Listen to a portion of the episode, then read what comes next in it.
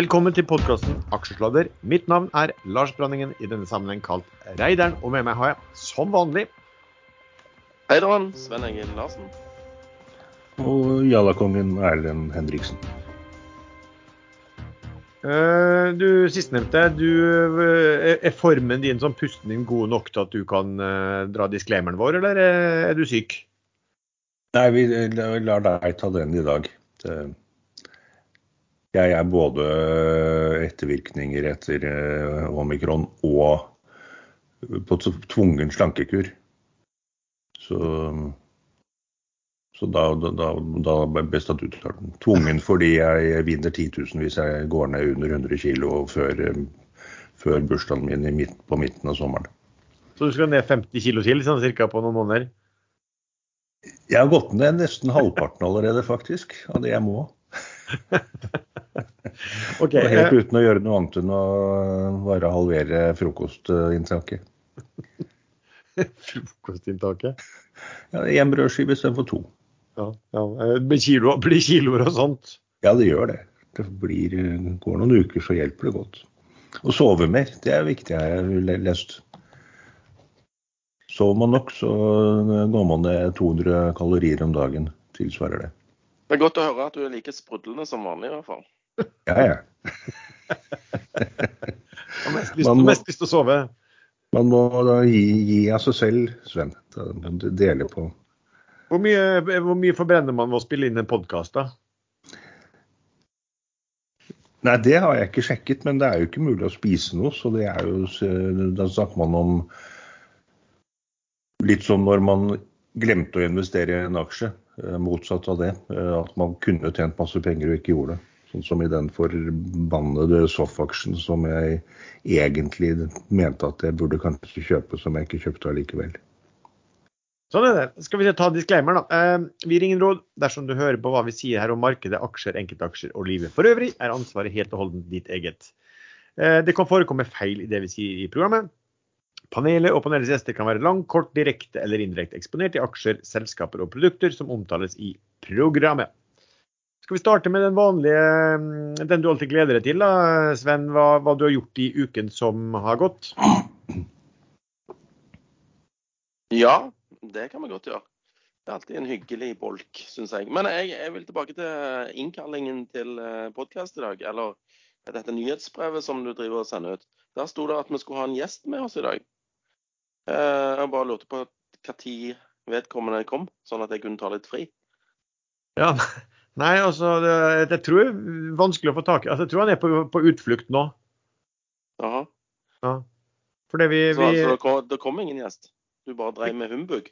Nei, nei, han skulle komme, men han, eh, han eh, hadde ja, forflytninger i felten. Feltet var vel det de sa som han var opptatt med. Hadde han litt forretninger i øst? Eller var det i vest? Eller i sør? Eller Ja. vest, kanskje? Ja, for vi hadde jo inngått avtale med, med Vi ringte et, et, et tilfeldig telefonnummer i Russland og spurte om vi kunne få med Vladimir Putin som gjest. Og det sa vedkommende at selvfølgelig kunne vi få det. Men, ja. men det var med forbehold da, om utflukter i, eh, i, i skogen. Ja, det er fredag òg, vet du. Det er sikkert mye rush og sånn. Og så ligger de jo et par timer eh, foran oss, så Nei, jeg forstår den. Jo da, men uh, tilbake til hva jeg har gjort. Jeg har handla litt aksjer og deltatt i emisjoner. Eh, drittemisjoner. Eh, og så har jeg vært, ikke vært med i to emisjoner, og de ble jo selvfølgelig bra. Så akkurat nå så har jeg sånn magnet, føler jeg, mot dårlige deals. Kjøpt aksjer har jeg òg gjort. Jeg har kjøpt eh, iFish på, på høye laksepriser. Og så kommer disse Arctic Fish, som er på andre siden av Island nå, i de dårlige fjordene med, med resultatvarsel, og fisken hadde daua. Så jeg har vært svak. Og så var det en tulling som solgte 1,1 millioner aksjer i Insta på 2,20 uten at jeg skjønte hvorfor, så da kjøpte jeg en god del av de. Og så har jeg eh, tredd meg ut av Hyon med tap.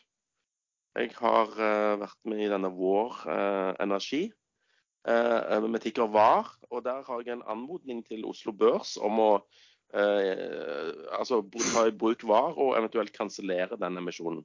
Fordi eh, jeg syns den var veldig dårlig og suspekt. Så her er det noen som har løpt i offside, og dette er ikke blitt blåst for. Eller så er det straffe. Uansett ikke min feil. Eh, og så har jeg treida en del andre ting som har- har beveget seg. Bl.a. denne Hexagon Purus var med i emisjonen der òg. Fikk, fikk 1000 aksjer av en eh, altså, eh, 2,5 tildeling. Og så tror du faen ikke den der aksjen går rett i dass likevel. Kjøpte mer på vei ned, og så bare fortsetter den ned. Det var jo den som uh, gikk veldig godt rett før emisjonen, var det ikke det? Jo, altså de, de annonserte to store intensjonsavtaler. Og så uh, satte de emisjonen, som egentlig var venta, og så stakk han rett opp etter emisjonen. Og jeg fikk jo 1000 aksjer, så tenkte jeg jeg gidder faen ikke selge de 1000 aksjene. Og så ble jeg med ned, da.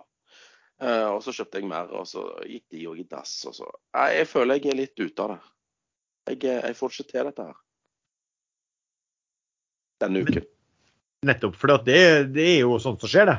Ikke sant? Ja, Du, eh, Det skjer, det skjer, men veldig sånn eh, Det er litt sånn kjip følelse. fordi føler liksom Du, du mister faktisk litt sånn selv- selvfortroende, som de sier i Sverige. Men har ikke du både kone som jobber og leilighet i Spania? Kan ikke du bare flytte ned dit, og så kan hun sørge for inntekten? Du må jo ikke drive med dette her. Nei, men hva skal jeg gjøre da? Sitte med foran poolen og drikke Kan se på skogbrannene, de kommer snart tilbake igjen. Ja, jeg er litt kaldt i vannet. Jeg ble målt sist gang til 12 grader, så jeg, jeg venter litt på at eh, temperaturen tar seg litt mer opp, altså. Før jeg gir slipp på mitt daglige leve på. Men du, eh, vi, vi skriver jo mye på Ekstrainvestor, og, og folk spør jo ofte om liksom, når man trader. Og av og til er det sånn at eh, en oppfatning av folk at når, når de er i en dårlig stream, sånn, så må de liksom gjøre noen ting for å ta det igjen, på en måte. Sånn er det mange som tenker. Liksom, hva, hva gjør du når du kommer inn i en litt sånn dårlig periode? Fortsetter du akkurat som før, eh, eller, eller tar du det liksom litt min, mer med ro? Eller hva, hva, har du noe sånn Ja, um, jeg har ofte bare nullstilt. Altså bare kasta ut uh, veldig mye, og så begynne på nytt. Mm. Sånn nå så sitter jeg i en del, del aksjer, men òg har vel sånn 50% i, i cash. I tilfelle det skulle eh, dukke opp noen gode deals. Eh, men jeg, jeg ser jo på Oslo Børs spesielt at eh, disse vekstaksjene de får bank dag etter dag. Eh, og i dag får jo til og med oljeaksjene òg deng fordi at oljeprisen er ned. Så det som har funka for meg, det er at jeg bare selger ut, og så er den tilnærma 100% cash. Og så begynner på nytt. Men jeg har bestemt meg for å ikke gjøre det denne gangen. Da går det sikkert til helvete. Ja, for det, for det er jo litt, sånn også at hvis du er litt skeptisk til markedet, så bruker du alltid å være sånn men, men, men mine aksjer går det uansett bra med. ikke sant? Man har litt, litt den der Ja, ja, for jeg har jo en tro på det. liksom. Har, det er en grunn til at jeg har kjøpt det, liksom. Altså Ja. denne Icefish pga. høye laksepriser. Uh, Instabank pga. gode tall, god guiding og eh, billige, billige aksjer. Så Sånn Men nå, nå syns jeg jeg har snakka litt for mye, faktisk. deilig. Um, Ja, nå var jeg skulle til å kommentere det. Nå snakker du så mye som jeg gjorde da du kritiserte det. men, Ja, eh, jeg beklager. Jeg trekker tilbake ca. 75 av det jeg sa. men du som høres ut som du hoster og høres ut som du har tæring, hva har du gjort i uken? Eh, Jeg har eh, funnet ut at dette markedet her er rett og slett farlig. Det, det, vi har eh, den største militærmakten, eh, antall mennesker og våpen oppmarsjert eh, på grensen mot Ukraina, som faktisk ikke er så veldig langt unna oss. Eh, Siden andre verdenskrig. Det er over 150 000 soldater. og at de skal trekke seg tilbake, det er jo bare en del av spillet. Eh, Jeg tror det er eh, i all hovedsak er det en maktdemonstrasjon, men Russland ser ut til så, Jeg tror ikke de er så redd for Nato-medlemskap eh, som Ukraina påstår de skal, eller ønsker å få, som de uansett ikke får på mange år. Sannsynligvis ikke på langt over ti år, selv om de ønsker det. Fordi de er ikke modne nok ennå. De er for korrupte ennå. De må jobbe, jobbe noen år til med å bli et vestlig land. Eh, Men Russland er eh, livredde for at de skal få et vellykket demokrati, hvor folk blir rikere og rikere og faktisk liker eh, demokrati etter vestlig standard, og ikke det gamle russiske korrupte systemet de har dratt med seg eh, i, egentlig siden tsar-tiden. Derfor tror jeg Russland ønsker å destabilisere Ukraina. Men du, og da eh, holder jeg- det med en liten invasjon i sør i Ukraina, tenker jeg. Beklager hvis jeg avbryter, men du, alltid, du leser jo alltid det bitte lille programmet vi har. Det er jo du den ivrig på å lese. og Der står det vel egentlig at dette skal vi snakke om litt senere i programmet, etter at du har snakket hva du har gjort i uken som gikk. Ah, jo, jeg har eh, Jeg solgte jo denne NRS NRS-aksjen din eh, rett uken før. Jeg trodde det var på mandag jeg solgte, men det var vel da før Så det var før, før forrige helg. Og jeg tok jo med meg nesten 7,5% på to dager. Eh, Så det er jeg ganske happy med. Du har vel nå vært i den aksjen der i flere måneder og har vel sikkert ikke noe mer gevinst enn det. Jeg har, en, jeg har en liten innsigelse. Nå er det andre uken på rad han skrøyter på seg den traden der. Det syns oh, ja. jeg er, er, i overkant. Ja, men da skal jeg korrigere det, for jeg kjøpte da Bergen Carbon Solutions i stedet. Eh, I stedet. Eh, rett etter på emisjonsdagen. Hun To kroner over emisjonskurs og ble med opp til 59. Og det var jo Da hadde vel du solgt for lenge siden, og det skulle jeg også gjort. For jeg hadde glemt å lese det med liten skrift i børsmeldingen, at de skulle ha en reparasjonsemisjon. Forutsatt at kursen eh, Eller eh, avhengig av kursutviklingen. Og da prøvde jeg sist gang å forklare at da, da jobber de alltid den kursen ned. For de ønsker ikke alltid styr og mas med en sånn bitte liten repremisjon på bare 25 mill. kroner. Og da fikk jo jeg så hatten passet av dere. Det kom med konspirasjonsteorier osv. Men nå er faktisk Bergen Carbon Solution på 53, altså en krone under emisjonskursen. Og da kommer det snart en melding om at den reparasjonsemisjonen blir avblåst, og da kan man kjøpe den aksjen. Så jeg solgte Ja, det- den, og så kjøpte jeg da i Hva skulle du si, Sven? Nei, jeg skulle si at det var fortsatt en artig teori. Uh, dette her med at uh, folk er arbeidssky i corporate-avdelingene. Ja, nei, det kan jo rett og slett være at uh, markedet vet at det er det som pleier å skje. At de blir ofte avblåst, avlyst. At man da rett og slett Det er ikke nok kjøpere. Alle venter. Så vi kan trekke tilbake den konspirasjonsteoridelen. Men jeg solgte da altså Bergen Carbon Solution på uh, faktisk 55-tallet, og nå er det 53, så foreløpig ser jo det greit ut. Så kjøpte jeg Ensu, dette lille gamle eh, selskapet jeg egentlig liker så godt, med mikrofaststoffbatterier som kan brukes i høreapparater og, og små klokker osv.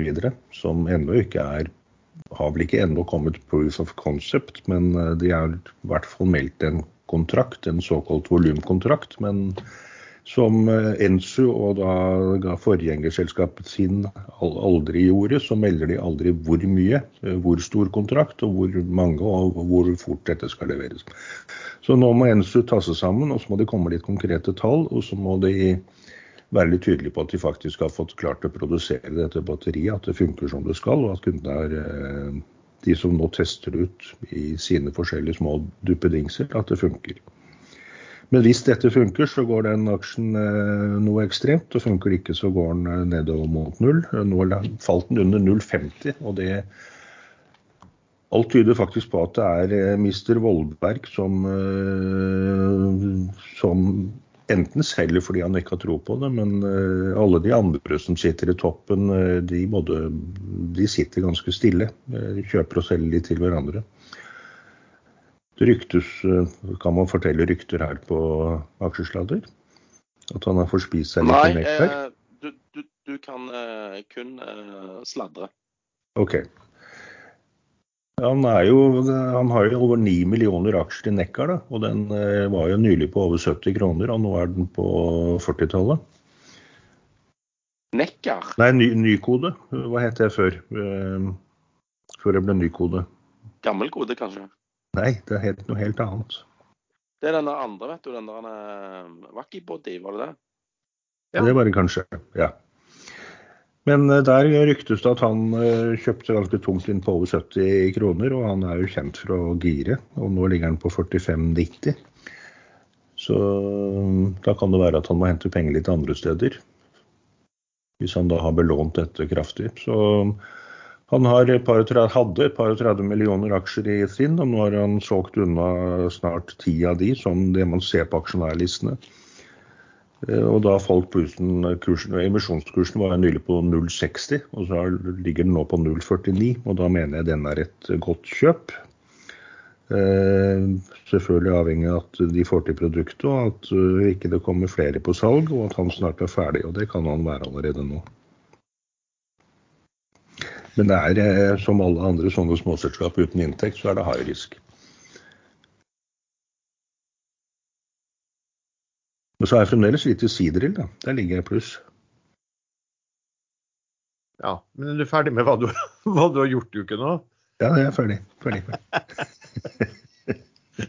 Slo jeg, slo jeg Sven? Det blir en lang, eh, lang sending i dag. Så hvis vi bare kutter ut resten og går rett over til Lukas eh, selskap, så kan vi bare logge av etterpå. Deilig. Um, ja, for min del så har jeg kjøpt mer den, denne uh, Frøy, som er involvert i NTS-opplegget, uh, og som det spekuleres uh, SalMar ikke vil ha. Den falt ned på ja, rett over 50 kroner i uken, så den kjøpte jeg litt av. Så falt jo Norway Royal Salmon ganske mye pga. at de eier da 51% av dette Afish, som Sven toucha borti, som kom med noe sånn fiskedødelighet. Jeg syns kanskje overreaksjonen for å falle da den falt vel av i løpet av et par dager fra 218 eller et eller annet og ned til, ned, til 200 blank sånn cirka. Eh, på, på noe som for Norway Royal Salmon skulle bety kanskje et par kroner på, på eh, aksjekursen, var litt mye. Men sånn sett var jo det veldig fint, for da, da fikk jeg kjøpt eh, en del tusen mer der på rundt 203, eh, tror jeg det er. jeg må bare få si det der, Arctic Fish det ligger feil, feil plass på Island. Hvis du tenker Island som en firkant, så ligger, så ligger altså Arctic Fish oppe i, i eh, venstre hjørne, mens uh, uh, Icefish ligger da nede i høyre hjørne. Rett med, med disse her uh, isbreene. OK, og det betyr hva, hva, hva er liksom kontentet? Uh, ja, temperaturen i vannet svinger mye mer der oppe i venstre hjørne enn det gjør der nede i høyre hjørne. Stabil vanntemperatur er viktig. Okay. Ja.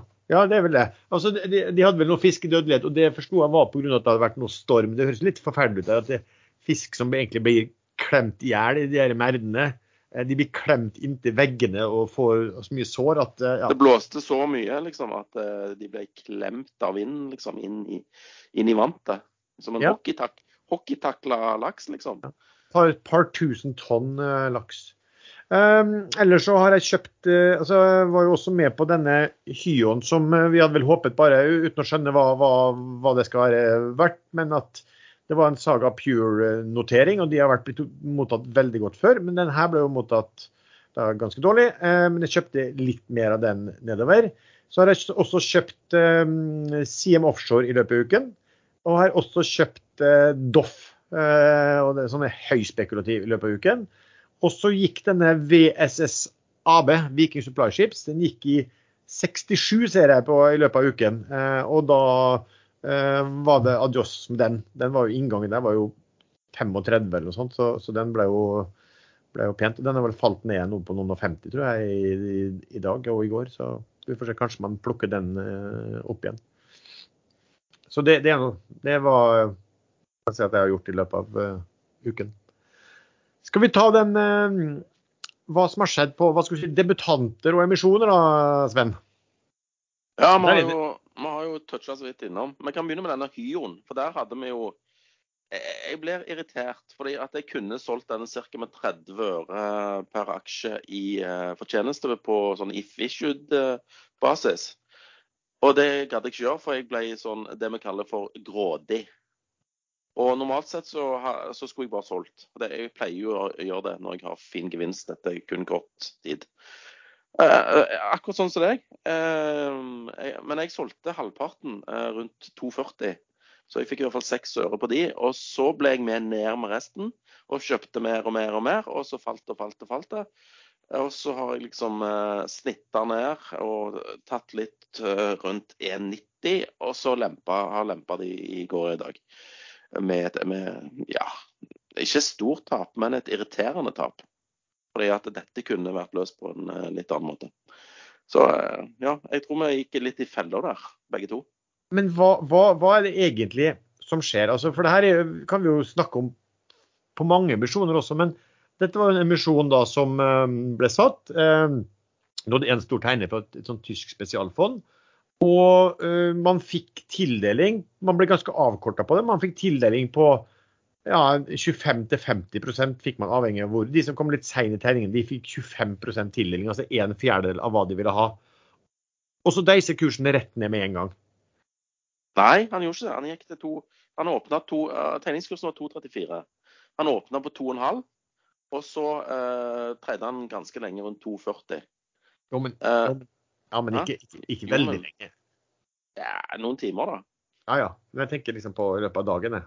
Men du vet hvor lenge en time er? Det er, det er lenge. Ja, for deg er det kjempelenge, jeg vet det.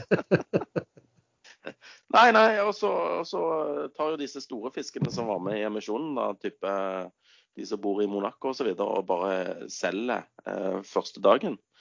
Eh, så, så da setter de jo Altså, de har jo mye aksjer, og da setter det press på, på han, og han bare fortsetter i dagevis nedover. Det ser ut som han bunner på rundt 1,90, da. Og nå er jeg rundt to blank igjen. Men allikevel. Eh, eh, dårlig, dårlig emisjon.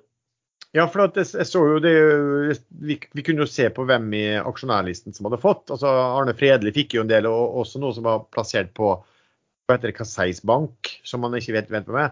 Og de så ut som de umiddelbart bare pælma alt ut. Eh, um, og det, det er jo litt sånn man tenker jo, Hvis man hadde solgt i rolig tempo, hvilken pris hadde man fått da? Men det betyr jo ofte litt lite for det. eh, sånne ting da. Men da var det egentlig ingen til å ta imot de volumene der, rett og slett. Nei, det, men det er jo ikke løgn. da. Det var et lite selskap, dette. Det er market cap på noe over 100 millioner kroner, liksom. Så det er vel begrensa med med sånne fond og sånn som så, vil sitte i den. Ja, Ikke sant? Men en- eh, ja, jeg ser at U-turn eh, lå på 19.-plass. Eller du er kanskje fortsatt på 19.-plass? eh, ja. Nei, der var Celaco òg på en 23.-plass. Jeg er ute, altså. Så jeg, jeg har droppa ut av listen. Ja, nei, jeg har et eh, håp om at altså siden det, det, det, det er jo litt sånn område som si, det, det er vanskelig å vite hva prisingen er, og så ser man i forhold til hva andre priser til at, at eh, altså man bare ser at market capen da, Ja, veldig liten. Skal ja, er, er veldig liten, ut, uten at det har noe med, med verdier å gjøre. Og sånn, og at, og at, det, og at kanskje nå har disse som, som skulle selge Når når jeg så på lista sånn, for i dag, så så jeg fra det var handel på tirsdag. Og da så jeg på den takten de, de, de som hadde solgt som var på topp 40, da, den takten, hvis de bare fortsatte å solge, så, så burde de være omtrent borte nå. Men det kan jo være at andre kommer til å selge, da. Det, det vet man ikke. Um, sånn at Det er et visst håp der, da. Og, det kan jeg vel si at håp det er vel kanskje den, den dårligste strategien du har i aksjemarkedet. Ja, jeg ble, jeg ble bare irritert, jeg, så jeg bare lempa. Og Det gjorde jeg med denne Hexagon Purusen òg nettopp. Eh, for jeg tenkte på at eh, jeg hadde det jeg sa for ti minutter siden, at jeg ikke skulle selge, det, det, det fant jeg ut Ja, men det er jo å gå mot egen strategi, så da er det best å selge, tror jeg. så jeg lempa den òg nettopp. Ja, for, det, for da kan vi hoppe over på den, da. For det er jo en eh, emisjon som ble gjort i ukene. Hvordan, hvordan var det? Jo, eh, emisjonskursen der var vel eh, Den var jo nesten ikke rabatt på. 24,25 tror jeg den ble gjort på. Altså 24,25. Eller var det 24,35? Jeg tror det var 24,25. Eh, som var liksom et par prosent rabatt på, på siste omsatte. Eh, den starta veldig sterkt. Gikk opp mot 27, vel. Eh, over 27 òg, dagen etter emisjonen. Og så begynte selgingen, og så bare eh, dagen etter emisjonen bare rett ned mot even, altså 24-tallet. Og så har han bare fortsatt ned og tredjes nå på 22. Sant? Så eh, det er veldig, altså, veldig lav tildeling. Altså 1000 aksjer. Det er jo helt merkelig opplegg. Jeg- Det er da jeg ikke begynte å skjønne noe. Altså når du, når du ikke skjønner hva som foregår, da, da gjør du ofte feil.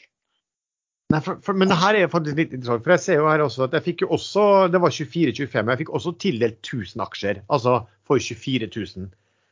Tegningene, minstetegningene var jo 100 000 euro. Så det betyr egentlig at du fikk 2,5 eller? ja, et par- 2,5 av beløpet. Eh, og, og hvis det er så veldig avkorting, altså det er masse folk som vil ha på 24, Og, mm, og de får veldig lite. Så skulle man jo egentlig tro at man da ville kjøpe på 24 når prisen kommer dit i, i markedet. Men, men, sånn er det jo ikke verken, verken for oss eller for andre. De ville visst selge. Ja, ikke sant. For det, det er et eller annet med at hvis du oppdager at altså Hvis du ikke har noe spesielt fundamentalt forhold til det, da, og så oppdager du at uh, altså det du kanskje trodde var stor interesse, er kanskje mange som tenker som sånn at vi, vi tegner oss for å selge til alle de som har stor interesse. Ja, altså eh, even greater fool uh, ja, For det blir sånn illusion, en liten illusjon egentlig om all den interessen som er der, som, som egentlig bare er en interesse sant, for, av å finne andre å putte aksjene videre på. Ja, og så har du det samme i denne her Vår Energi. De liksom går ut og sier ja, eh, vi setter kursen på 28, som er det laveste intervallet. I, i seg selv et faresignal i min bok, men uh, uansett så klarer de å si at uh, på 28 så er boken 'multiple times oversubscribed'. Så noe, noe som tyder på at her er det enorm interesse. Uh, også I retail-bransjen så fikk du jo relativt god tildeling i forhold til i denne her institusjonelle. og Det skulle jo bety at de institusjonelle skulle kjøpe på liksom i markedet. Men der òg åpner så vidt over emisjonskurs og bare sklir fra 28 og ned nå på 26-tallet. Og, og, det til tross for at der er det jo en, en greenshoe, green ja. som betyr, Sven, Nei, altså En overtildelingsopsjon, sånn at tilretteleggerne kan eh, drive støttekjøp i markedet for å holde kursen noenlunde anstendig. Og en del millioner aksjer har de til, til rådighet for å gjøre dette. Tror det beløpet som de kunne kjøpe for, om, det, man så i avisen at det tilsvarte ca. 1 milliard eller et eller annet sånt? Ja, ja, men kanskje de allerede har kjøpt for det. Jeg ikke vet jeg.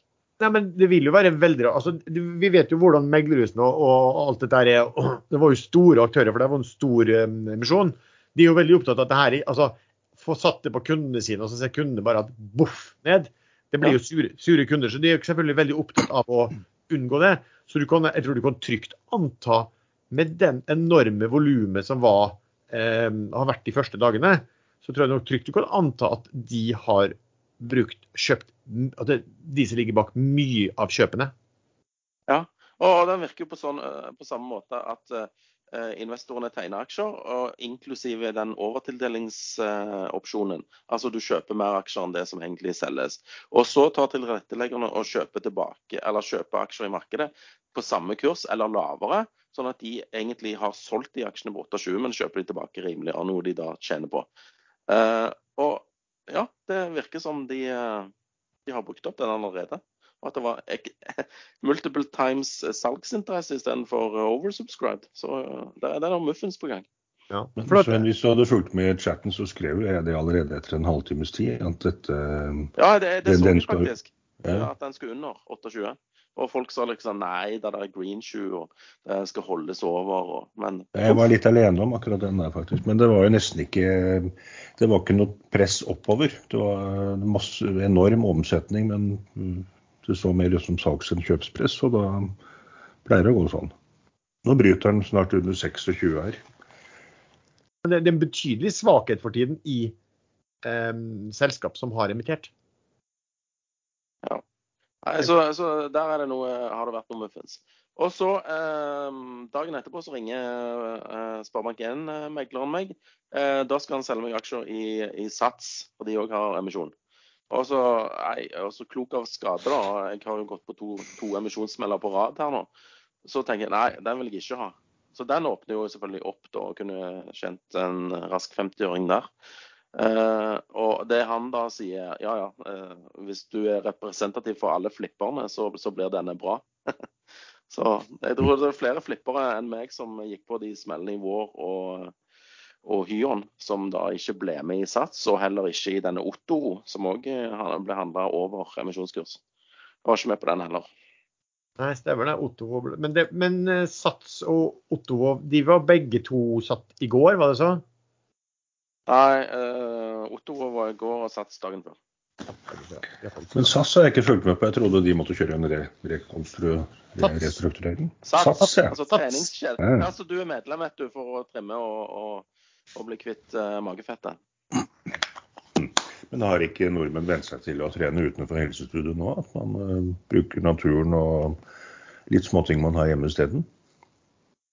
Jeg, så forresten om Sats og så at DNB var sutrete. For de hadde vel hatt, nylig hatt en presentasjon, og, og, de, og, de, hadde vært mistanke om at kanskje selskapet eh, trengte litt kapital.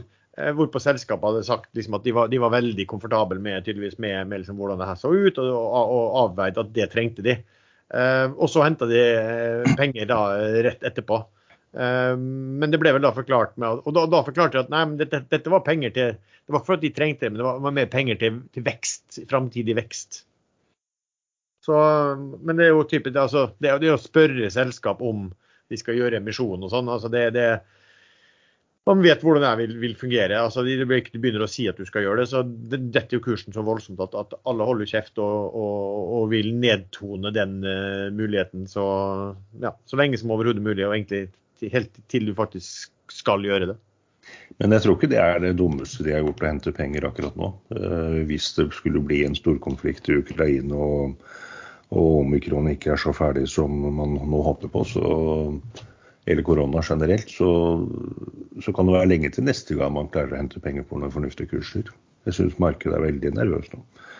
Var det, mer, var det, noe mer som hadde debutert eller gjort noen misjoner i uken som gikk? Eh, Observe holder vel med, med, fortsatt med sin. De skal vel stenge den i løpet av neste uke, vet jeg. Den ligger vel omtrent nede på emisjonskursen nå. Det var tegn, tegningsretten som vi snakket litt om sist. Og, jeg tror den kan bli litt tung. Ja, altså når de ligger nede på Eh, de ligger jo og tangerer nede. altså den, De tegningsrettene er vel prisa til noen øre? Ja, siste omsatt på to. To øre. Altså ja. Jeg kjøpte litt høyere, men jeg vet ikke om jeg kommer til å tegne fordi at uh, det virker så svakt. Men husker du den Targovax, den emisjonen der? Ja, ja. Den, den, var jo også ligna litt, og det falt mye mer. Men der steg jo kursen plutselig veldig etter emisjonen. Det var det jeg trodde kom til å skje med Observe òg, men nå er jeg litt sånn uh, usikker. Så det er sikkert lurt at folk ikke tegner der. Sånn at jeg kan tegne og så gå og stikke kursen. den eneste er død, brød, den andres død. Liksom. Vår hovedsponsor Skilling er en skandinavisk CFD-megler. Skilling tilbyr lynrask og kurtasjefri handel i norske og globale aksjer indekser, olje, råvarer, valuta, ETF-er. Skilling tilbyr mer enn 50 forskjellige kryptovalutaer og har en rekke forskjellige handelsplattformer og trading-apper. Skilling trader Metatrader 4 og C-trader. Du behøver kun bank-ID, og alt kan handles med eller uten giring, long eller short, til meget lave kostnader. Skilling har nærmest fullstendig fjernet spreads på kryptovaluta, samtidig som de også tilbyr kryptohandel uten giring. Med en bitcoin-spread på bare 0,5 dollar og kryptokrutasje fra bare 0,1% er Skilling nå sannsynligvis den desidert billigste kryptomegleren på markedet. Bruker du Skilling til å trade CFD-krypto uten giring, betaler du heller ikke renter, vekslingskostnader eller bankgebyrer. Skilling har kundeservice på norsk, kurtasjefri handel i nærmest alt av finansielle instrumenter og industriens laveste kostnader på kryptohandel. Sjekk ut skilling.no om du allerede ikke har gjort det, og åpne skillingkonto med bank-ID. Risikoadvarsel. 66 av ikke-profesjonelle kunder taper. Fullstendig advarsel på skilling.no. Lenke til Skilling finner du også i beskrivelsen til denne episoden.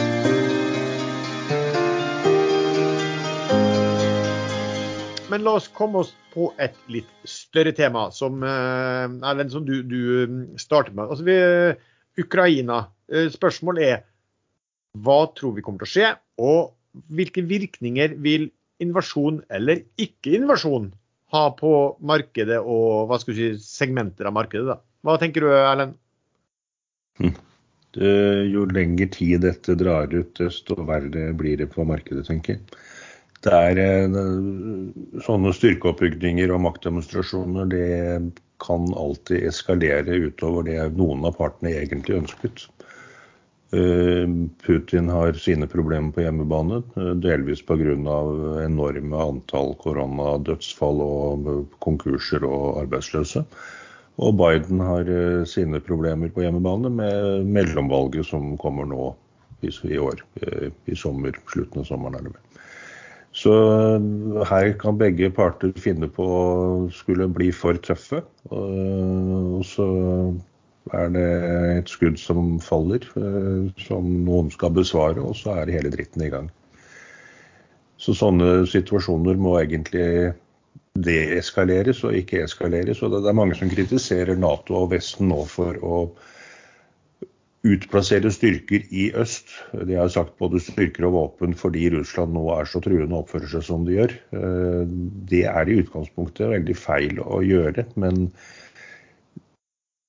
men sin strategi er tydeligvis nå å si helt tydelig hva de klarer å snappe opp av etterretningsinformasjon om at Russland har planer om å gjøre det og det.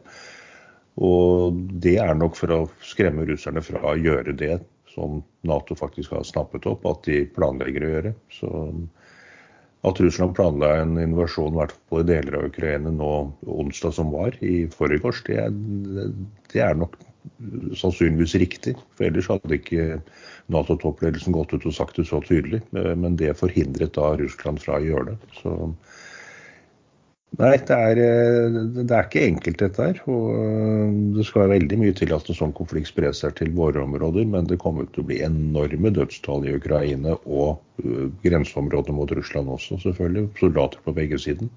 Hvis noen er så dumme å dra i gang denne krigen. Men hvordan markedene reagerer, det, det var en som la ut en liste over hvordan markedet hadde reagert på alle mulige hendelser siden siden krigen. Eh, og Koreakrigen den var vel eh, kanskje noe av det som påvirket markedet lengst. Jeg tror det var snakk om rundt 80 dager før det hadde hentet seg inn igjen. Men da Kennedy ble, Kennedy ble drept, eh, da falt markedet én dag og hentet seg inn neste dag. Da Reagan ble skutt, så falt markedet én dag, og Hensen eh, etter to dager. Så, men han overlevde jo. Og så er det, det er liksom aldri mer enn 30-40 dager markedet bruker på Hensen igjen etter selv de aller største krisene og fulle kriger. Så nei, vanskelig å si. Men, men hvilken, hvilken, hvilken område invasjonen er vel det er vel, Hvis de går inn, så er det vel eh, olje og, skal, olje, olje og energi, oljeaksjer som, som, som, er populært. Men er det, noe annet som du tror kan bli, bli, bra, og spesielt dårlig? Det er en del råvarer man kan se på nå. Eh, korn, eh, hvete kan jo bli berørt av dette her. Det er en del gruvedrift i de områdene, så vidt jeg har fått med meg. Men jeg har ikke satt meg veldig godt inn i det. Men eh, det kan nok bli press på råvarer hvis det skulle bli en liten konflikt. Og hvis det blir en større konflikt, så kan det bli helt motsatt. Hva tenker du, Sven? Sven eh, begynner å grave bunkers ute i hagen eh, og kjøpe seg hermetikk. Ja, det tror du. Men nei er litt usikker. fordi at eh, Jeg syns det er merkelig at Putin går ut og sier at vi ønsker ikke krig. Hvorfor skal liksom eh, Men hvis han blir provosert av noe, så kan det jo være at han tar igjen. Jeg, jeg vet ikke hva de, hva de, egentlig tenker. Jeg tenker at eh, Er det noe å tjene på den krigen, da, egentlig? Ja, innenlands kanskje. Skal jeg, skal jeg, si en liten sånn tese jeg har på, på det der? Jeg, jeg tror at han, Putin er jo Eh, altså, de lyver jo som, som alt de kan.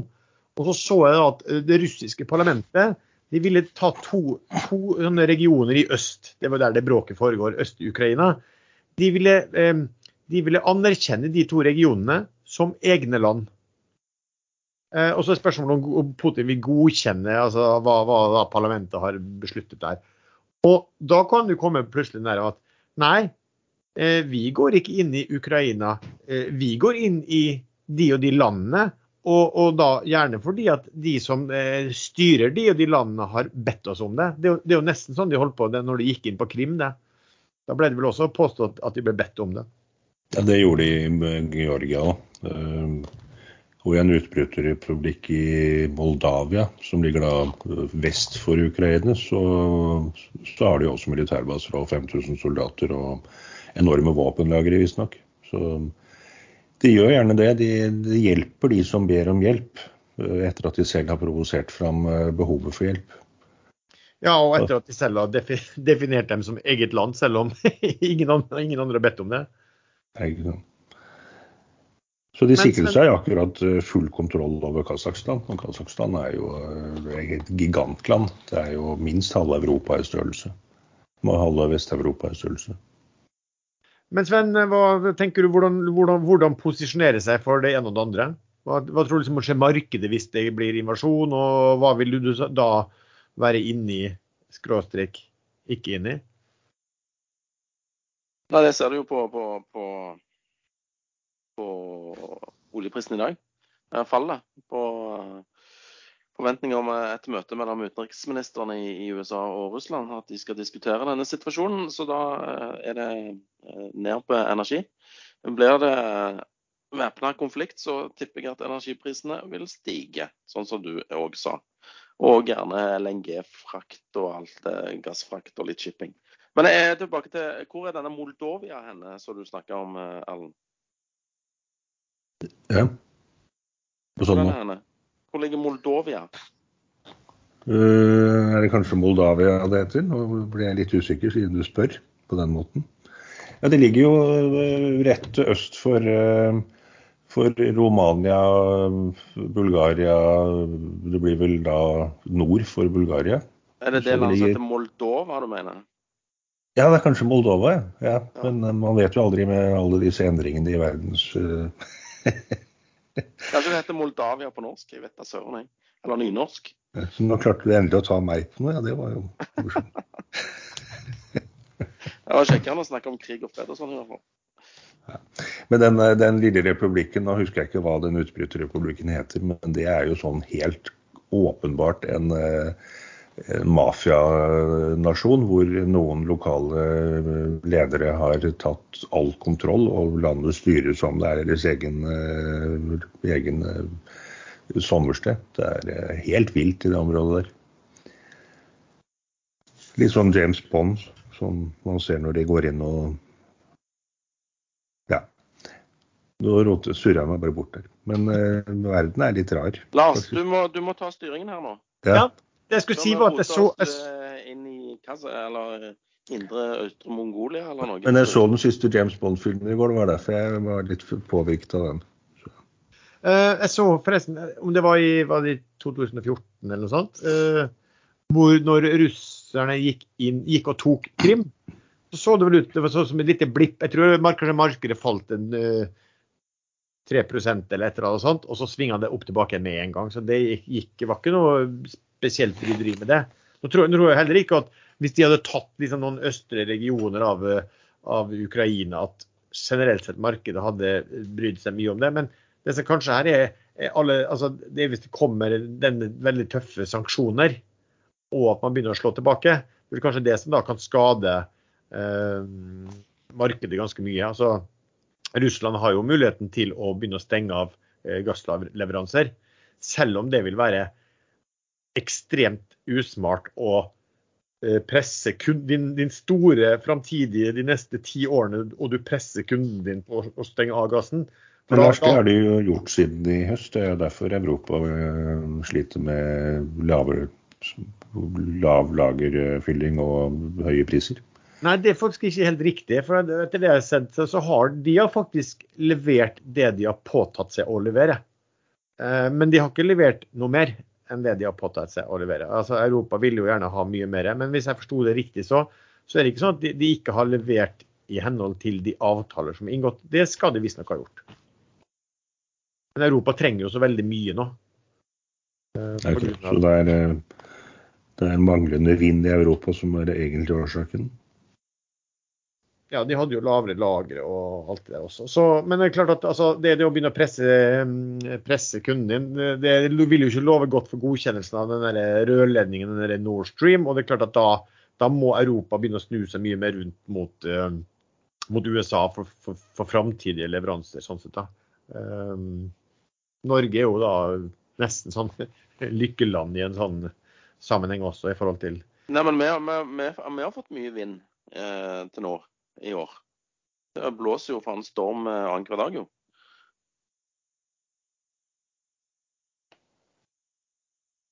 Ja. Dere bor feil plass. ja det, det, har jo vært mer. Eller, eller rett, rett, plass. OK. Eh, det, det, kommer jo sikkert til å bli fortsettelsesfølger, det da, for noe vil jo skje i Ukraina. Ellers så kommer de bare til å fortsette fram og tilbake med sånne provokasjoner eh, til markedet. Etter hvert begynne å glemme det. Jeg eh, tenkte vi skulle snakke om noe annet i dag. fordi at hvis man nå ser på eh, listen eh, over vinnerne på børsen i dag, så har du eh, ligger det eh, mange av disse supply-selskapene. Av topp fem så er det tre supply-selskap, og så har du ett på åtte også. Så du har, og du har de to øverste, og Solstad Offshore opp 15% og Eiof Eidesvik Offshore opp 12 mens Doff opp 8,3% CM Offshore opp 5,55 Det har jo vært en vanvittig eh, oppgang i da spesielt det CM Offshore, som har steget eh, kraftig. De var så sent som eh, forrige fredag så åpnet de på 7,6, og den er nå på 13. Eh, jeg vet jo du Erlend, var jo veldig nysgjerrig på den. Har, har, har, du gjort noen ting i den, eller har du vært med i, i, i supply-kjøret de egentlig siste dager og timer? Nei, jeg har ikke den. Jeg hørte du kalte den CM Offshore. Den heter Solstad Offshore. Nei, en heter, jeg tenkte, jeg, Mulig at jeg blanda de to, men det er en som heter Solstad Offshore og en som heter Siem Offshore. Ok, Solstad Offshore ligger på 13.10 nå. Ja. På toppen av dagens vinnerliste. Yes. Nei, det, det, er jo Det har jo vært en del skroting eh, av gamle eh, supply-skip som har ligget i opplag i lengre tid. Og markedet har tydeligvis tatt seg litt opp. Det er en del aktivitet fordi det har vært uh, lite med oljeleting siden 2014, og nå begynner det å ta seg opp, og med litt færre skip. Så er jo spørsmålet, de, de har jo ganske mye gjeld ennå, mange av disse. Uh, men hvis ratene tar seg opp over et visst nivå, så blir jo den gjelden nedbetalt ekstremt fort. Uh, jeg har vel hele tiden trodd og sagt at uh, i Solstad offshore så kommer det sikkert en ny rekonstruksjon uh, for å bli kvitt gjelden på Maximus og uh, nå er det vel kanskje rundt 15 milliarder kroner igjen av den gamle gjelden de hadde. 19 har de netto rentebærende gjeld. Ja, 19 pluss Maximus? Uh, nei, det er vel da på gjeld på den, men det er vel, det er vel sånn at det kan med, tilkomme mer fordi at de må Hvordan var det? De måtte kjøpe ut noen fra den båten, var det noe sånt? Eller at de måtte kjøpe den tilbake, eller hvordan var det? Men i fjor, eh, mener jeg var rundt denne tiden, så ble det meldt at eh, i kvartal to i år så skal det være noen eh, kreditormøter rundt Maximus. Og det problemet er jo ikke løst ennå. Og der er det jo kreditorene som egentlig har full, måten, full kontroll på den måten. Og Solstad som har fullt ansvar for den gjelden.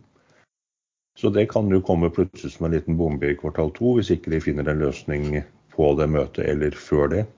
Ehm, men det er klart, jeg har vært forsiktig, og den kunne man kjøpe på firetallet, og nå er den på 13. Så de som har tatt sjansen på å kjøpe og holde og kjøpe mer, de har jo tjent en for liten formue.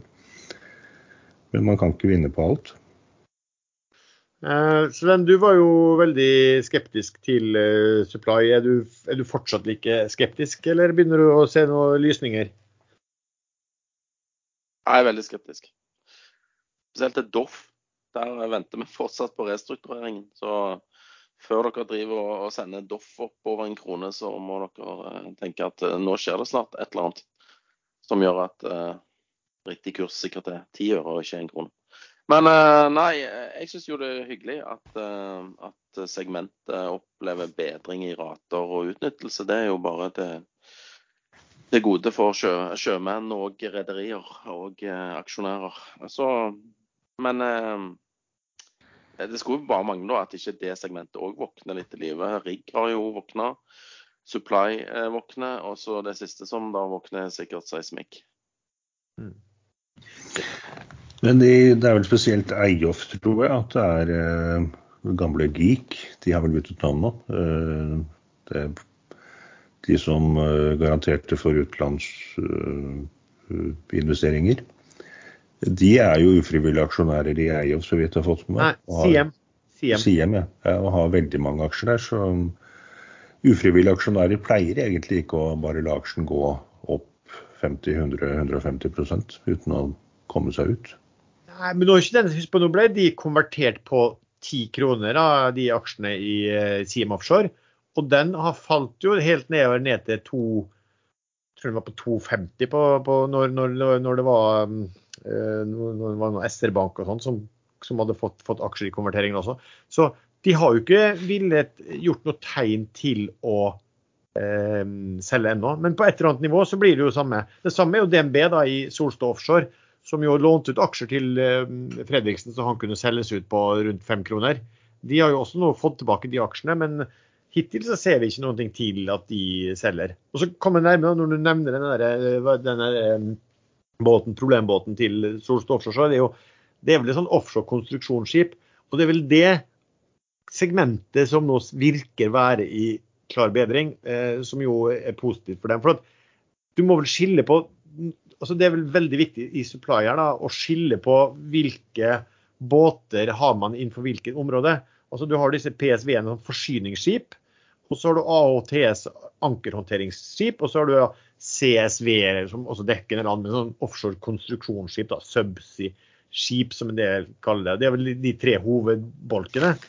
Eh, og det er vel da, sånn som jeg forstår det, så er det eh, altså CSV-er, da offshorekonstruksjon. Det, de, det er det markedet som nå eh, begynner å se eh, mye bedre ut. Jeg har hørt noen som sier også at spesielt så ser det markedet bra ut i, eh, i Brasil, der aktiviteten er stor.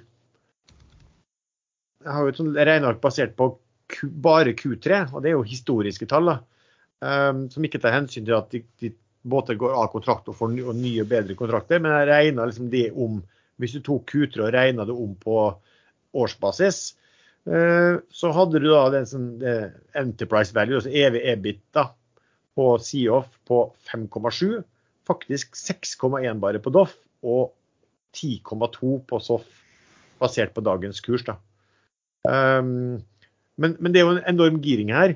Altså de, de, som er lite giret er jo da, eh, av disse tre, er jo da, eh, er jo da CM som har en børsverdi på en milliard og, eh, og, og netto rentebærende gjeld på fem milliarder.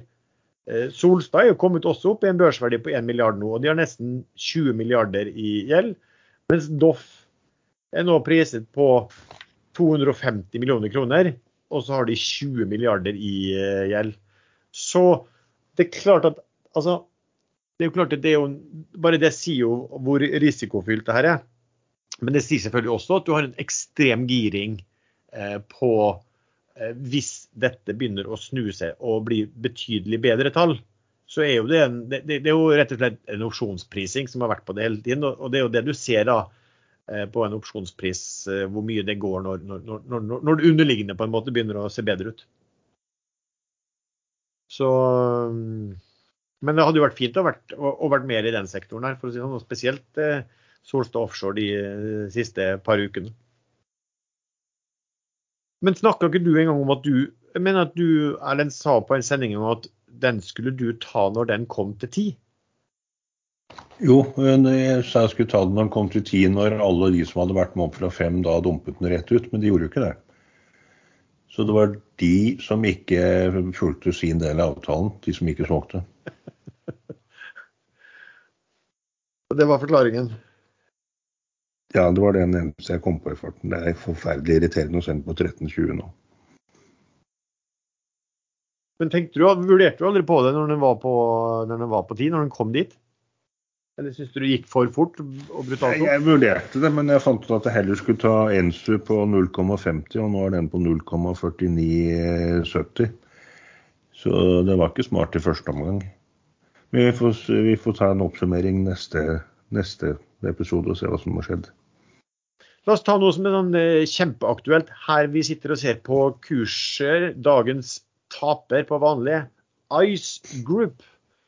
Sven, har du fulgt med hva som har kommet for eh, Vi har snakket om det før. Har du fulgt med hva som har kommet for melding på den i dag?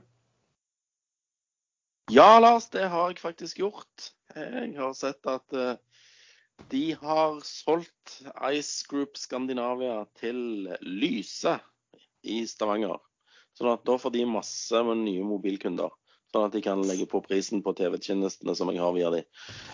Uh, så nei, selg det til Rogaland, liksom. Så, og så har de sagt at det blir bare smuler igjen til aksjonærene. Så er det spørsmålet hvor store, hvor store de smulene blir. Men er selskapet da nå tomt skall? Nei, det er sikkert masse fremførbart underskudd. Som kanskje noen kan gjøre seg nytte av. Har ikke peiling på restverdiene der. De, de har vel ikke oppgitt hvor mange, hvor mange smuler som blir igjen. Men de Nei, Det sto at det var lite, og så var det snakk om at eh, de fikk 3 milliarder inn, men at 2,9 milliarder skulle gå rett ut i eh, eh, betaling av lån. Eh, og så er det vel et eller annet Det er fort noen kostnader. Jeg syns det kom i stad noen melding på, på TDN, mener jeg så at det var Skal vi se. Men hvis det blir 100 millioner kroner igjen, og så er det 202 millioner aksjer, det betyr at det er 50 øre per aksje? da? Eh, ja, kanskje i beste fall også. Ja. Eh, for det kom, her kom en, ser jeg, det kom en melding nå mens vi snakket her.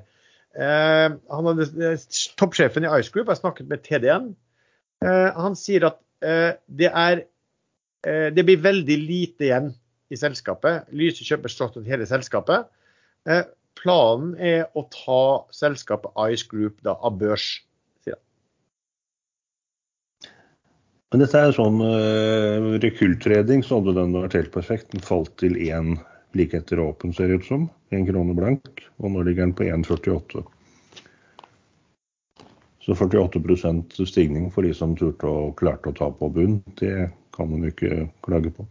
Men dette er jo den, uh, kanskje den mest varslete uh, raserkursraseringen uh, som har vært de siste månedene. At Ice Group skulle til én og under og kanskje til tilnærmet null. Det har jo vært annonsert både her i aksjesladder og på ekstrainvestor i lang tid. Den lå jo tredet opp på 3-4-5 kroner. Ja, det, men det var jo en periode hvor den plutselig regulerte. Det var også i, det var, i, i midten av desember ser jeg, så gikk den jo 25% en dag. den der. Og Det var fordi at eh, det var en av finansmediene som eh, kom en oversikt over liksom, Eh, hvilke aksjer eh, analytikerne var mest optimistiske til.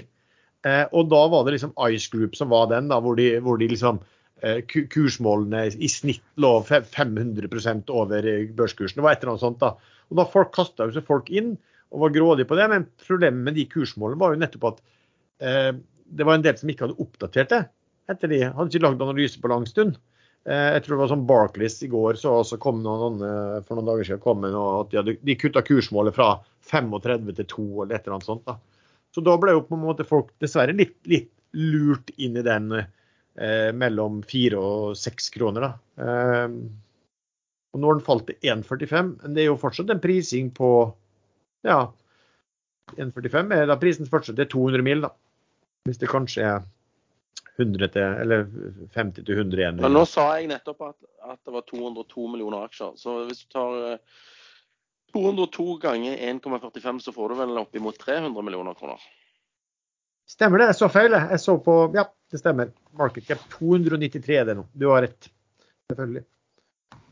Så da er de vel, kan vel si at det, selv om man kan gjøre den type Erlend-trade på det, så er det vel en fundamentalt en ganske bra nedside. Ja, men, men, men, eh, hvorfor skal de eh, eh, Får ikke folk lov å bruke disse noterte selskapene til, til børsskall lenger? Har han børssjefen eller franskmennene sagt nei, det skal vi ikke ha. Vi skal kun ha nynoteringer. Fordi at uh, Inser De òg skulle jo av børs. Uh, hvorfor er det ingen som vil bare bruke selskapet til noe? Samme med, med Ice Group. Uh, ja, de har jo sagt de skal være mer vanskelig på det der, eh, Sven. Også, Jo, men hvorfor det?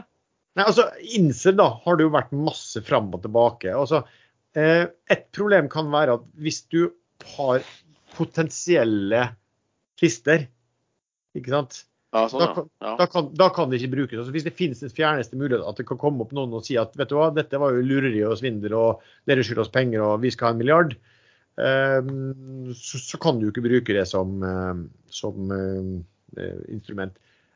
En annen liten tese der er jo selvfølgelig at sånn som Inster, som har et veldig stort framførbart underskudd, så kan det jo være eiere som har lyst til å gjøre noen ting der, men kanskje uten at det er i veldig søkelyset via børs. Du tror Ja, folk er har så, jo så sleipe, altså? De største Sven? i Inser er jo svenske. Ja. Sier du at svensker ikke er i stand til å benytte seg av fremforbare underskudd? Nei, heller eh, motsatt. Jeg vet at eh, det, er, det er mye enklere i Sverige å benytte seg av fremførbare underskudd, men om de klarer å gjøre det med et norsk selskap, vet jeg ikke. Men jeg har sett, eh, vært med på å selge et underskudd, er et svensk underskudd som gikk til Sveits, så de klarte å bruke et svensk underskudd i et tidligere børsnotert norsk selskap. Så det er mye rart i Sverige. Sånn er det. Eh, Men da, eh, ja vi, Nå ser jeg akkurat på Onkopeptides her at de drar over ti kroner igjen. Og de hadde kvartalspresentasjon i går som ble lagt til amerikansk tid. Så markedet hadde jo håpet på en eh, oppdatering om prosessen med FDA i, USA, men den kom ikke. Eh, og da tenkte jeg at da kommer kursen til å falle nedover mot sjutallet i dag. Og isteden drar den opp fra sluttkurs 8,90 var det vel i går, til over 10 kroner nå. Sånn er irriterende, for det, det skulle ikke skjedd. Den skulle nå falt jevnt og trutt framover til nye forventninger til ny oppdatering begynte å komme. Så den går bare på luft og kjærlighet nå. OK, skal vi ta litt eh, Vi har som vanlig fått masse spørsmål fra uh, lyttere. Og da kan vi jo si en ting at vi spør ofte om vi kan få forslag til tema. Eh, helst ikke bare at man skriver tikker, for det sier oss ikke så mye om hva egentlig som er så interessant å snakke om med det selskapet. Eh, men et vi har fått spørsmål om som vel kommer noen nyheter i dag, eh, Erlend, er REC silikon. Hva, hva skjer? Jeg må bare ta, kort her, se på ekstramønster at det er rapportert om to millioner innsidekjøp i Onko. Så Det er jo grunnen til at den går, da. I Sverige så er det jo tre dagers eh, meldeplikt, så dette kan jo da ha skjedd eh, tre dager eh, for tre dager siden, altså i begynnelsen av uka. Ja ja. Svenske aksjer er eh, Svenskene er rare, som jeg nevnte før. Eh, REC de hadde vel kvartalspresentasjon i dag, og de mangler eh, CEO. Um, og da var det alltid, som alltid, noen forhåpninger om, og sikkert noen påstander om, at de skulle melde ny CEO i dag. Og jeg mistenker at noen av de som påstår sånn, de sier det mot bedre viten, for det, det skjer ikke i større selskap at de venter til en kvartalspresentasjon med å melde oppstart av en fabrikk eller en ny CEO. Det melder de når de har prosessen klar. Og det legges ikke til en kvartalspresentasjon, så nå må folk eh, Stort sett må man slutte å forvente nyheter på kvartalspresentasjoner. Og da ser man resultatet i rekk i dag. Den sluttet på 1466 i går, er nå på 1430. Så De nyhetene kommer når de kommer, og om det kommer positive nyheter direkte, det er det ingen som vet ennå. Det er- begynner å bli ganske high risk. Biden fikk jo ikke gjennom Build Back Better-planen sin i USA, og der var eh, direkte støtte til det produktet REC skal produsere, én av elementene. Og foreløpig har det heller ikke kommet videre med å kjøre det som en egen pakke. Selv om det virker som at det er støtte i USA blant politikerne for å gjøre det, så har de ikke kommet til mål ennå. De er kanskje ganske redde for nå er Politikerne er redde for inflasjonen. Så han der Manchin som har sittet på på toppen, han sa vel også at han var dypt urolig for å bruke kroner i det hele tatt nå pga. Uh, inflasjonen. Det er ikke sant. Så plutselig så dør sånne Her har jo veldig mange aksjonærer vært 150% sikre, minst, på at uh, REC vil få disse støttepakkene nesten spesialstrikket for dem. Og det har vært lagt ut bilder av presidentflyet som har landet på flyplassen der hvor REC holder til. og Det er liksom ikke måte på. Men kursen har falt jevnt og trutt fra fra 22, og den var vel enda høyere enn det før det. Så man begynner å snakke om en halvering fra toppen. Du, jeg skal nevne bare, Vi var inne på Ice, for nå ser jeg inne på chatten på Ekstrainvestor. Der er det noe som blir kommentert at uh, han som da er IR-sjef i uh, Ice, han har sagt at Ice Group vil fortsatt være børsnotert. Det vil være et tomt, skal, tomt selskap uten drift som skal betale kreditorene, og vil nok være notert i noen måneder til, sier han. Og da er det en som skriver liksom som om det er oversikt fra avisen. Eh, eh, anførselstegn. Det er nå moroa begynner, sier en tydelig munter vakuumtrader Erlend Henriksen. Har jeg sagt det? det er en som har postet det, som, om, som du har uttalt det her til avisen. Ja, da, for å si sånn, det, det var ganske mange latteransikt og litt sånt der eh, emojis på den chatten da, for å si det sånn. På den kommentaren. Nei, men Det kan fort være det, men det spørs jo hvor mange tunge aksjonærer som fremdeles sitter i selskapet, og hva de er villige til å selge seg ut på før det eventuelt kommer en sånn vanvittig jalla oppgang i sånne selskap. Men det er ingen garanti for at de oppgangene kommer heller. Jeg sitter og leser, Dere bare jabber og jabber mens jeg eh, oppdaterer meg på viktige nyheter i verden. Uh, VG melder at uh, de har uh, stoppet ti tonn kokain i deres toppsak, mens toppsaken i Dagbladet er 'Skal lave ned, venter 30 cm snø'. Så jeg lurer på om det er en sammenheng her? ja, ti tonn kokain, det blir vel ca. 30 cm, det. Ja, det er det meste av Sør-Norge. kan bli en god helg. Men det, er det stoppet, da blir det jo ikke noe snø. VG sa at det er stoppet, det er beslaglagt. Ja, men det er bra, for jeg, jeg hater å måke. Altså. Det var helt forferdelig oppe i Sirdalen eh, i går, sa kona. Det hadde, ja, det var umulig å komme seg til døra, liksom. Måtte gå inn via naboen. Ja, du har sånn rekkehushytte? Ja, rekkehytte. Rekkehytte, ja. Um, så har vi fått spørsmål om, uh, om, om Reach. Uh, jeg kan jo bare si kjapt på det. Altså, det, det, er et selskap som isolert sett uh, Nå har jeg vel sagt at jeg vil eie mindre av de lite likvide. Men det er jo isolert sett et selskap som, som burde ligge mitt hjerte nær å eie.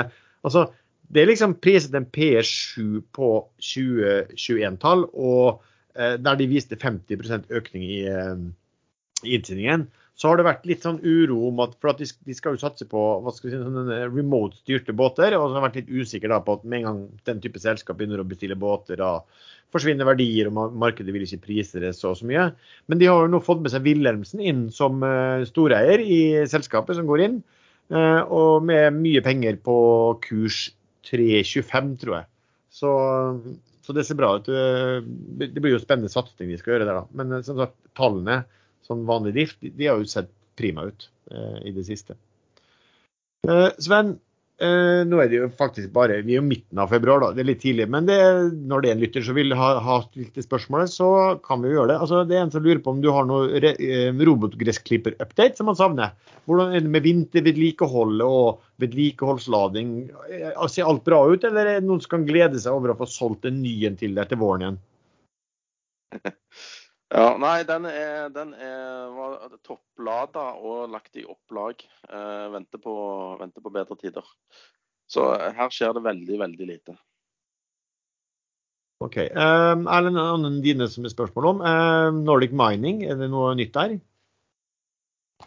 Ja, der er det jo et par partier som uh, har lovt på tro og ære at de skal gjøre alt som står i deres makt for at det prosjektet aldri skal bli noe av.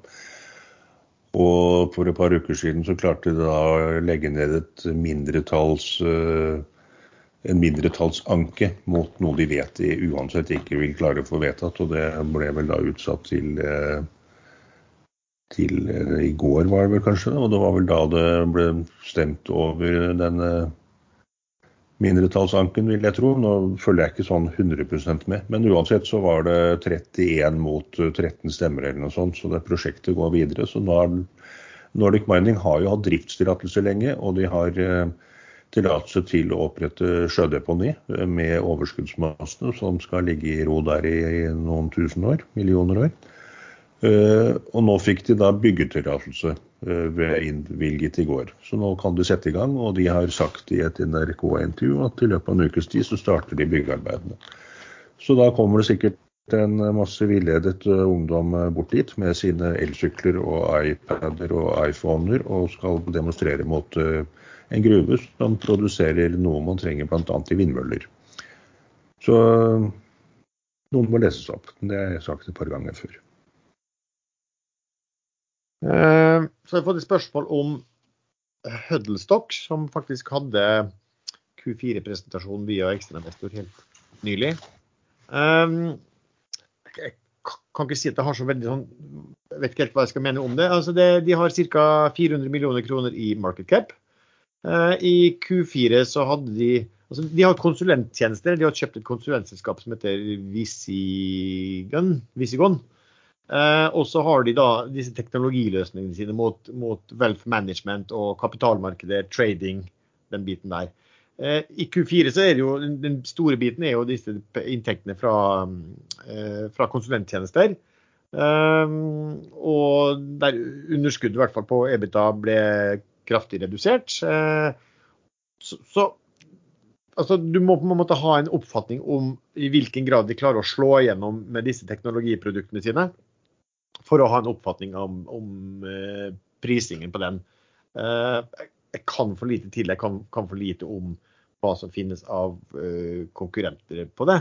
Uh, men i kursmålet og i optimismen så er det jo åpenbart innbakt at de skal kunne få presentere en hel del uh, avtaler uh, framover. Så det blir spennende å se hvilke avtaler og hvilke inntjening de kommer til å ha på, på den. Mens dere babler, så falt vår Energy ned på 25-tallet. 25,99, ja. En glitrende suksess. Men det, det, jeg kan si på bare den, det er at alle de som fikk tildelt i retail-biten, eh, opp til var det to millioner, de får jo en ekstra aksje hvis de eier den eh, aksjen i over tolv måneder. Nei, nei, nei, det er bare, bare hvis du tegner for 500 000 eller mindre. Å oh, ja, OK. Opp til 500 000. ok, ja, ok. Kanskje... Så det er jo da 2,8 kroner eh, som de kan egentlig trekke fra på selvkosten, skulle det bli da. Ja, Hvis du klarer å holde aksjene. Jeg har ikke solgt mine verken på selskap eller privat ennå. Jeg har et forsøk på gang om jeg klarer å holde det i et år. Hmm. Men det er jo Hightech som står bak, og de er vel ganske kjent i markedet for å, for å være snillest mot seg selv, er det ikke det? Hightech Vision? Ja, har de noe sånn rykte på seg? Jeg, jeg ville jo trodd at altså Det var så, såpass, såpass, lite av eierandelene deres det her gikk på, så jeg hadde jo trodd at de eh, hadde et ønske om å være snill og sørge for at det ble fornøyde aksjonærer hvis de skal ha senere ned, eh, nedsalg også. Eh, men det kan jo godt være at de har ment det på, på 28 i forhold til interessen, at, at, at de har vært det. Men, at, men som vi snakket, det er litt sånn illusorisk eh, ordrebilde rundt omkring. Men at de er flinke, er ingen tvil om. Jeg kan ikke så mye om det. Men, eh, men eh, flinke eh, investorer er jo ofte harde når de burde være harde, for å tjene mest mulig selv. Ja, ja, altså de, de, det har vi sett på dere, de private equity-selskapene som kommer med selskap på børs. De, de, de, legger vel ikke akkurat pengene igjen på bordet, for å si det sånn. OK. Eh, noe annet vi skal ta opp eller skal vi komme oss over på hva som er eh, kommende ukens eh, favoritter? Good. Sven? Ja, min Hausa-aksje for neste uke, og som jeg forventer at alle skal kjøpe massive mengder av på åpningen på mandag, det er en aksje ved, ved ticker ABCDEF. At besitte kontanter, det er finessen. Så mitt råd til eh, alle lyttere det er å ha kontanter i bakhånd. Eh, Markedet er turbulent, og det vil dukke opp muligheter. og Da er det viktig å ikke være låst i, i alt mulig dritt. Sånn at eh, ha kontanter tilgjengelig. Ingen spesielle aksjer du ser på? Jeg ser på mange aksjer, men alle faller jo. Så jeg har ikke lyst til å anbefale noe som faller. Du anbefaler jo ikke noen ting. Du har bare som favoritt. Eller ser nøye på. Jeg ville aldri funnet på å, å anbefalt mine venner noe som tapte seg i verdi, liksom. Jeg, vil jo at eh, aksjer skal stige hvis jeg, hvis jeg uh, syns at Hvis jeg snakker om dem og jeg sier at jeg har kjøpt sånn. Jeg kjøper jo aksjer for at de skal stige, ikke for at de skal falle. Sånn at Ja. Jeg ser på, på masse aksjer hele tiden. Jeg liker, denne, jeg liker denne iFishen. Jeg liker Baltic uh, Sea Properties. De har kommet med to gode nyheter på rad. Der er det umulig å få tak i aksjer, så ikke gidd engang å prøve. fordi at uh, det er verdens mest illikvide aksje. Eller nest mest.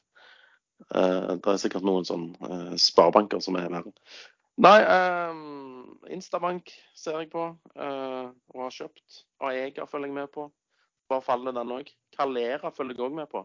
Det er en bunnløs salatsak som har skikkelig gått i dass. Der, der, skal det være mulig, hvis den spakken går gjennom, å få 8,4 kroner. Og nå er den på 4,5, så Ja, vi snakka jo om den. Tror, tror du den spakken kommer til å Jeg tror ikke det blir noe av. fordi det er avhengig av at uh, de som da eier disse aksjene, uh, takker ja til den fusjonen. Eller så takker de ja til å få pengene sine tilbake. Så jeg, jeg tror det var 59% som måtte takke ja til fusjonen. Ellers gikk det dårlig. Og De ser jo kanskje på aksje, aksjekursutviklingen i Calera også, at når de gjorde det her, så når de inngikk den avtalen, hva var Calera på da? Var den på Den var rundt åtte. Ja, steg opp mot ti, faktisk. Ja. Og nå er den fire og en halv. Ja. Så hvis den spekken ikke blir noe igjen av, så må det selskapet faktisk hente penger. Og da er vi vel ikke på kurs fire lenger, da er vi vel et stykke enda lenger nede. Så den har vært en skikkelig tragedie. Ja. Men eh, som sagt, jeg ser på aksjer og har kontanter tilgjengelig for eh, hugg hvis det skulle eh, åpne seg opp uh, noen gode tilbud i løpet av uken. Bra. Uh, Erlend, deg, hva tenker hva er du som inter, det du er interessert i? Jeg gikk akkurat gjennom listene av det jeg har nevnt før. og Denne 5PG, Fifth Planet Games, de ligger nå rundt 1,20. Og de hva var det for en uh, oppdatering her om dagen som mange trodde den skulle gå kraftig på? Jo, de ble notert i USA. Uh, sidenotert.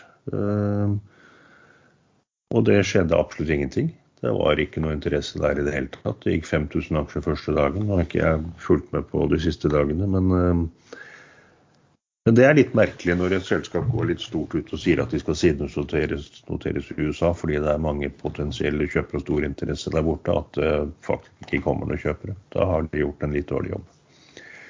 Men det har jeg sett så mange ganger før, så jeg valgte å ikke eh, ta den Vi forventninger til det, og det var jo smart, for nå har falt fra da over 1,40 til 1,20. Desert Control, der har jeg sagt at jeg liker selskapet. Eh, satser stort på gjøre ørkensand produktiv. Uh, også i USA, men det tar tid å bygge opp dette her. og Det, det, er, det tar, som jeg nevnte sist, sånt tar gjerne mye lenger til enn man tror. og Kursen har da falt fra over den 32 jeg nevnte først, til 27,6 nå. Men den skal jeg inn i før eller siden. Den har jeg veldig tro på. Og så er det én aksje som irriterer meg like grenseløst hver gang jeg ser på, når det er Crayon, eller Cryon som vi begynte å kalle den etter hvert, på ekstrainvestor. Der var vel halve ekstrainvestor inne på rundt 20-19-18 kroner. Og de fleste solgte seg vel ut, og nå ligger den på 181. Dere hadde vel den også rundt der nede, tror jeg? Aldri eid, tror jeg. Dessverre. Ikke du heller, Svein? Hvis jeg, skal huske, hvis jeg skal huske alle aksjene jeg har vært borti, så, så, Så har jeg ikke Ja, plass det var en stor eh, snakkis, for det var en sånn oppkjøpskandidat. Alle var sikre på at den skulle bli kjøpt opp på, uh, langt opp på 20-tallet, og da lå den på under Ja, 20. de, tok, de tok jo feil, hele gjengen. Ja, ja. Så det, det ble ikke kjøpt opp, de drev videre. De, de ble støkk de ble stuck i aksjen fra 20 til 180. Og det minner jo litt om den Scanshipen som lå på 1,78 eller noe sånt da alle trodde den skulle bli kjøpt opp, og det skjedde heller ikke. Og så solgte alle unna, og så gikk den jo til 35. Sånt er forferdelig irriterende. It happens. Altså Det beste er når eh, ting ikke blir kjøpt opp. Det er tydeligvis. Med Scanship heter jo Vov nå, øh, men der de har jo skilt ut et selskap, så man eier vel to aksjer nå hvis man Men den var jo oppe på 35 eller noe sånt, nå er den på 1770. Og den andre Voven, den grønne Voven, husker jeg aldri hva heter. Men 1770 er fremdeles da ti ganger eh, der hvor eh, folk er av fordi den ikke ble kjøpt opp. Og den er det vel i hvert fall du, Lars, nedi der. Hva da? I Det gamle Scanship. Jeg var jo eide den, ja. Ja. Jeg solgte det siste på 1,78. Det husker Ja, jeg var veldig fornøyd med prosentene mine også. og Ikke like fornøyd med når man ser hva, som skjedde med kursen eh, lang tid senere. Men altså det, sånt er jo water under the bridge. da. Det, Nei, det er jo det. Man må få lov å man må mimre litt og finne ut hva man burde gjort annerledes den gangen. Men jeg tror faktisk ikke jeg hadde gjort noen ting annerledes hvis jeg hadde gjort det samme en gang til. Det var jo ikke noe som tydet på at verken Vov eller Crayon skulle gå så høyt den gangen. Men så har de gjort noen grep, da. Som markedet liker. ja, og hvis du også hvis du kommer inn i eh, altså i, hva skal vi si, innenfor segmenter som folk liker Wow var jo i, ble definert som eller var grønn.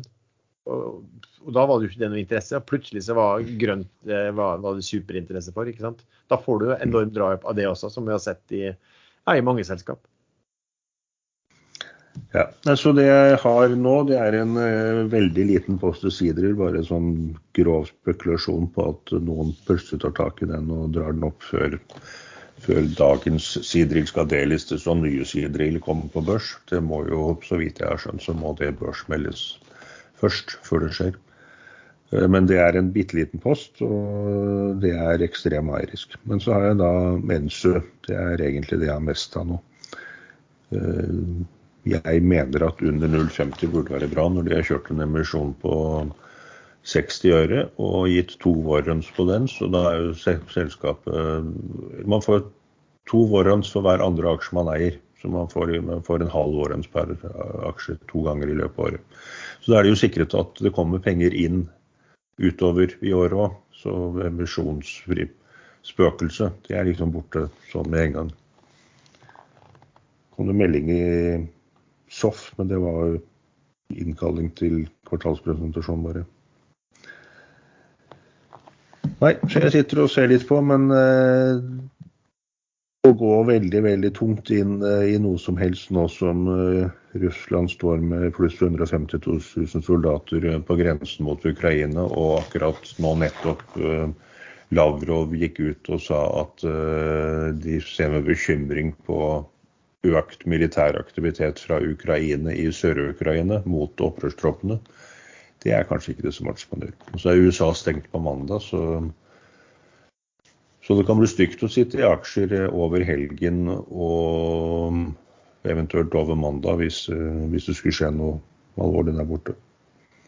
Men jeg tror ikke egentlig aksjemarkedet har så stort problem med dette Ukraina-greiene.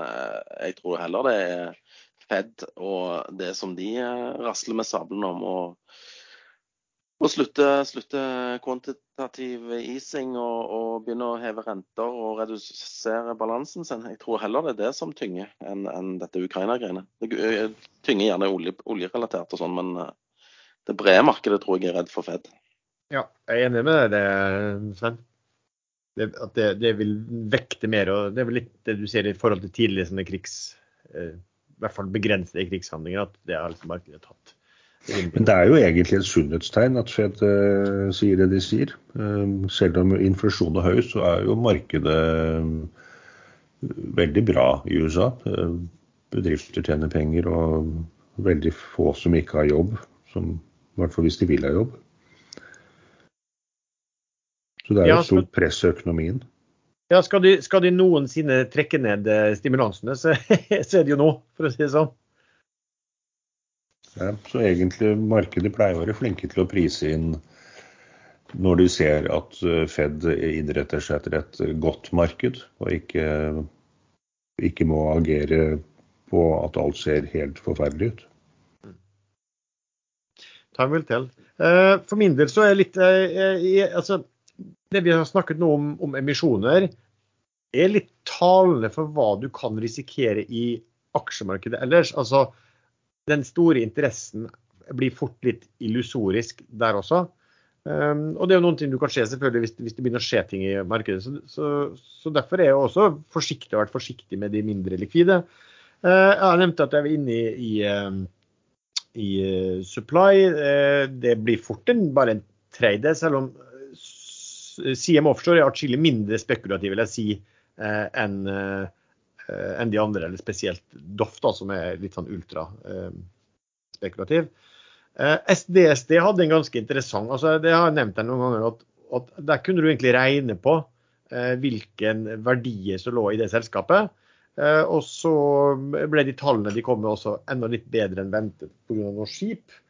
Eh, men der var det sånn at du kunne fort regne fram at de hadde ca. 1,70 per aksje eh, i eh, verdier. mens, det var, mm, mens kursen lå på 1,30 der plukka opp en del.